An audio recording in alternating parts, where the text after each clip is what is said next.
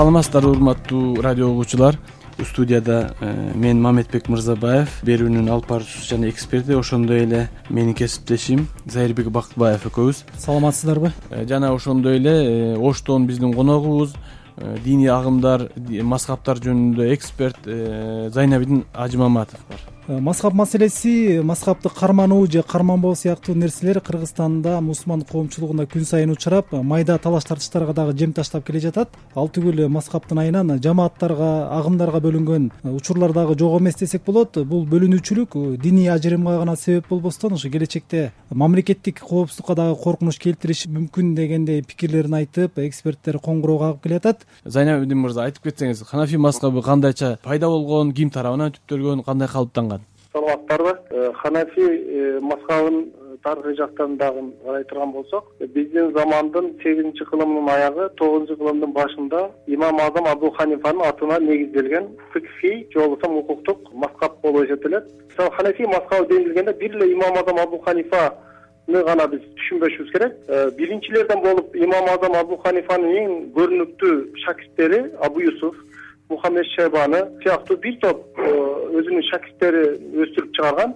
Мына ошол шакирттеринин эмгектери шакирттеринин дагы ошол э, салымы бар. аракети менен ушундай бир тук бир мектеп ушундай бир мазхаб калыптанган ислам дининде башкы төрт мазхаб же жол бар. Булар ханафи шафи малики жана хамбали мазхабтары булардын ичинен э, борбор азия жана туркиянын аймактарына же орусиянын айрым чөлкөмдөрүнө э, ханафи мазхабы бир канча кылымдардан бери таралган. Ханафи мазхабы э, саясатка аралашпаганы мамлекетке мамлекеттик түзүлүшкө жана бийликке э, өзгөчө мамиле кылгандыгы менен башкалардан айырмаланган жактары бар. Бирок бүгүн ханафи мазхабы башка диний түшүнүктөргө бул аймакка же кыргызстанга салттуу эмес чоочун диний эрежелерге жол бошотуп берип коюп четте калып калгандай туюлуп атат. Э, сиздер кандай дейсиздер? Чындыгында эле ушундай болуп атабы? Мисалы азыркы мезгилде байкап көрө турган болсок э, ханафи мазхабы мазхаб деп айтканыбыз менен иш жүзүндө бир ханбали мазхабы жайылып жаткандай сезилет да мага зайнабидин мырза. Анан кийин акыркы мезгилде э, жогорку деңгээлде да айтылып атат дин диний чөйрөдө айтып атат бул ханафи мазхабы өзүнүн чөйрөсү өзүнүн аңызын деп коелу эми талаасын башка мазхабтарга башка түшүнүктөргө тартырып жиберди депчи. Чын эле ушундайбы ханафи мазхабы деп э, атоо бул үстүртөн айтылган нерсе ал эми буну эгерде тереңдетип карай турган болсок э, ал эми ошол эле ханафи мазхабынын акыйда маселесин дагы карашыбыз керек да. Мисалы ханафи мазхабынын акыйдасын акыйдасын негизинен матруди э, мазхабы түзөт. Акыйда маселесинде салафийлер таасирдүүрөөк болуп атат десек болот да. Мисалы ханафи мазхабын карманып туруп акыйдада салафийликти кабыл эткендер бизде пайда боло башталды. Мына ошондуктан э, бул нерсе дагы буну дагы ажырата билүү туура баа берүү өтө маанилүү болуп эсептелет акыркы мезгилде мисалы биз төрт мазхабдын ичинен э, бул ханбали ханафи малики шафи мазхабынын ичинен биз ханафи мазхабын колдойбуз колдонобуз деп атпайлыбы. Бирок биздин менин мындай жеке көз карашымда бир ханбали же болбосо э, малики шафи мазхабы менен биздин бир проблемабыз жок туурабы? Бул практикалык маселе бул укуктук маселелер. Бирок бул жерде ханафи мазхабы салафий түшүнүктүн вахаби түшүнүктүн альтернативасы катары колдонулуусу керек деген пикирлер да акыркы мезгилде айтыла баштады. Башкача айтканда кыргызстандагы ханафизмдин ордун калган үч мазхаб эмес. Акыйда маселесинде ишеним маселесинде пайда болгон бул вахаби түшүнүк алганга аракет кылып жатат десек болобу? Албетте мынабы э, айтып атпаймынбы бул биздин кыргызстанда э, өзгөчө жаңы бир агым катары деле карасак болот да. Себеп дегенде акыйдада салафийликти кабыл этип ханафийликти кабыл этүү бул биздин ушул аймакка гана тиешелүү нерсе да.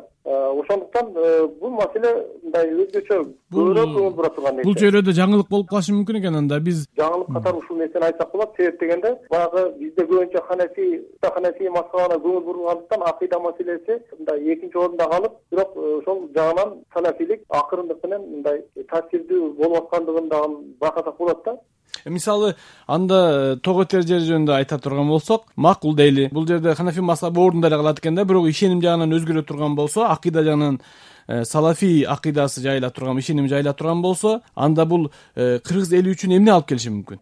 Негизинен баягы эгерде биз тарыхый жактан келаткан фикхта ханафилик акыйдада матуридиликти сактап калабыз деген биздин эгерде мүдөөбүз болгон болсо анда ошол акыйдада салафиликтин жайылуусу албетте бул биздин э, коомчулуктагы кээ бир карама каршылыктын же болбосо пикир келишпестиктин себеби болушу мүмкүн да. Ошондуктан бизде баягы жалпы коомчулуктун биримдигин мамлекеттин бүтүндүгүн каалаган болсок анда э, ушул тарыхтан бери келаткан биздин көз карашты сактап калып мындан кийин дагы улантуу э, биз үчүн э, эң ыңгайлуу жана пайдалуу деп ойлоймун азыркы учурда ханафий мазхабына басым жасалган туура нерсе?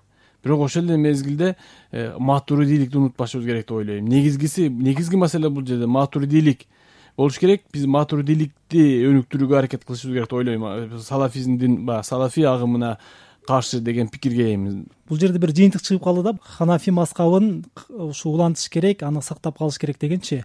Бирок ханафи мазхабы эмнеси менен артыкчылыктарга ээ биз ошону мындай түшүндүрүп айта албай келаткандайбыз да. Мисалы бир молдого же имамга барып ханафи мазхабы эмне деп айтсаң ал ажылыкка барганда ханафи мындай шафи мындай деп эле ушундай эле деңгээлдеги түшүнүктү айтат да. Мисалы бул жерде бир идеологиялык дагы маселе бар экендигин мындай четке кага албайбыз? Ханафи мазхабында мамлекет түшүнүгү кандай? Падышага кандай мамиле кылыш керек? Баягы жарандардын милдеттери боюнча түшүнүгү кандай? Ушул артыкчылыктарды биз мындай айта албай келатабыз да. Эми э, жакшы өтө жакшы суроо бул мындай э, көп мүмкүнчүлүк тааныган. Э, исламды түшүнүп жашоодо э, эң көп жеңилдикти мындай ортого койгон мазхаб бул ханафий мазхабы болуп эсептелет ар бир элдин маданияты эски каада салттары мисалы эгерде куранга сүннөткө карама каршы келбеген болсо бул ханафий мазхабында бул нерсе мындай четке кагылбайт да. Мисалы куранда сүннөттө ижмада кыяста далилдерди таба албаганда ошол ар бир жердин салтына карап туруп салтына таянып дагы иштихаттарды өкүмдөрдү чыгарган да менин оюмча азыр ушул учурда биз э, угармандарга да бир бул нерсени бир аз чечмелеп кетсек аларга баягы катардагы бир жаранда түшүнгүдөй кылып эмне үчүн ханафий мазхабына мамлекет тараптан дин аятчылар тарабынан муфтият тарабынан басым жасалып атат? Себеби ханафий мазхабынын негизинде матуруди ишеними бар матуруди акыйдасы деп коюлат. Бул матуруди акыйдасы менен ханафий мазхабы биригип бул э, динди исламдын эрежелерин жол жоболорун чечмелөөдө э, куран хадис ага кошуп акылды да акыл жүргүзүүнү дагы бир критерий катары колдонот да. Мисалы үчүн белгилүү бир маселе пайда болгондо аны чечмелөөдө жалгыз эле куран э, баягы проблеманы чечүүдө жалгыз эле куранды же болбосо хадисти издөө эмес. Ошол эле мезгилде бир акылыбызды дагы колдонуп логикабызды колдонуп ошого жараша э, ошол нерсени кабыл алуу же албоо жөнүндө чечим чыгарат. Ал эми эшари э, акыйдасында жана биз айтып өткөндөй мисалы үчүн анын бир э, баягы ошол акыйдадан чыккан бир акыйда катары карай турган болсок бул салафи акыйдасында бул негизинен баягы салттуу салттуучулук деп коет да бул традиционализм депчи. Көбүн эсе болгон нерсени болгондой кабыл алыш керек да алардын Э, эрежеси боюнча. Мисалы үчүн бир акылды логиканы колдонууну алар туура эмес жол деп эсептешет. Акыл туура эмес жакка алып барат депчи. Ошондуктан ханафий мазхабы э, мурдадан калыптанып калган салт санаага үрп адатка тарыхка каршы чыкпайт да. Динге исламдын негиздерине туура келген салттар менен чогуу үрп адаттар менен чогуу өнүгүп келген ханафий мазхабычы ошондуктан ханафий мазхабы кыргызстанда Э, азыркы убакта колдонулуп жатат колдоо көрүп жатат деп айтсак болот да. Э, бул жанагы ханафий мазхабынын ордуна келебиз келем деп келем деп жаткан салафий э, түшүнүгү салафий идеологиясыны идеологиясын мамлекетке карата да кандайдыр бир коркунуч алып келиши мүмкүнбү? Эми мисалы биз ханафий мазхабын карманышыбыз керек деген нерсени айтып атабыз. Бул деген сөз башка мазхабтарды мисалы өзгөчө имам шафи мазхабы ханафи хамбали мазхабы малики мазхабын четке кагуу же болбосо аларды туура эмес деп айтуудан алыспыз. Болгону бул тарыхый жактан ушул аймакта калыптанган биздин менталитет менен маданиятыбыз менен салт санааларыбыз менен э, мындай журулушуп калган мазхаб бул ханафий мазхабы болгондуктан биз ушул мазхабты э, мындан кийин дагы улантайлы деген максатта. Буга чейинки э, мындай биримдикте жалпы мамлекеттик бүтүндүктү дагы ушул бир мазхабты кармануунун ушундай бир таасири болсун деген максатта ушул мамлекеттик деңгээлде каралып атат десек болот да.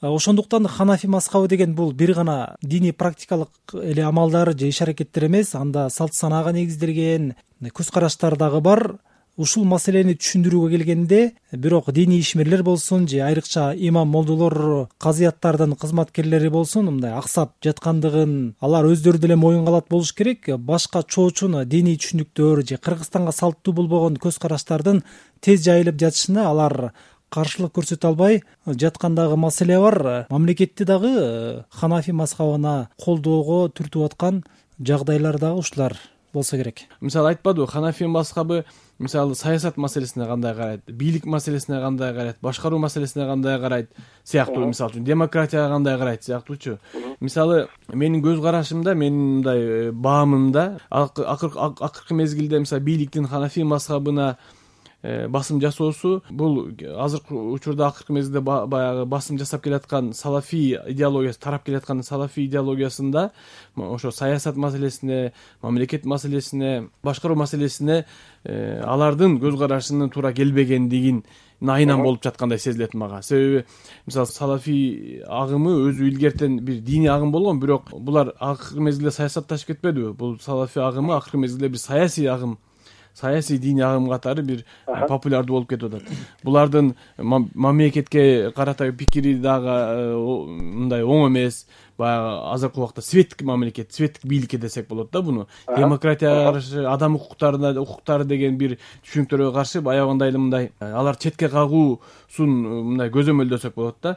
Ошондуктан менин жеке пикирим бул мамлекет азыркы мезгилде бул ханафи мазхабын колдоосунун негизги себептеринин бирөө ушул болсо керек деп ойлойм да. Себеби ханафи мазхабы бийликке шайлоого мисалы шайлоо аркылуу бийликтин түзүлүшүнө ошондой эле адам укуктарына э, ошол эле мезгилде жана айтылган э, салт санаа үрп адатка дагы аябагандай жакшы э, мамиле кылгандыктан ошон үчүн болсо керек. Эми бул ханафи мазхабы бул биринчи орунда саясий негиздеги же болбосо ушундай бир багыттагы мазхаб эмес да. Ал эми мисалы буга мисалы акыйдадагы акыйда жактан салафий мазхабы бул негизинен толук бир диний көз карашта эмес ошол эле учурда саясий көз карашы дагы бар акыйда мазхабы болуп эсептелет ошондуктан мисалы салафийлик менен ханафий мазхабын мындай бир параллель катары карабашыбыз керек да биринчи орунда. Ал эми экинчи жагынан карай турган болсок э, бул э, ханафий мазхабы мисалы э, ханафий мазхабыда сөзсүз түрдө шарият мамлекет болуш керек. Же болбосо мамлекеттүүлүк халифатты куруш керек деген бул ханафий мазхабында андай бир принцип жок. Мазхаб маселесинин актуалдуу болуп атканынын дагы бир э, себеби бар. Белгилеп кетсек болот. Мисалы түндүк кавказдагы болгон окуялар мазхабтын тегерегиндеги эле бир э, диний ички бир маселе катары көрүнгөн алгачкы жылдары кийин бул чоң саясий согуштук жаңжалдарга да алып келген. Андыктан бул маселе абдан актуалдуу. Буга мындай аяр мамиле кылып баардык тараптан мындай көңүл буруш керек деп ойлойм. Урматтуу угармандар ушу менен бүгүнкү биздин берүүбүз аягына чыгат. Бүгүнкү биздин э, берүүбүздө э, диний агымдар мазхабтар жөнүндө эксперт зайла бин ажы маматов болду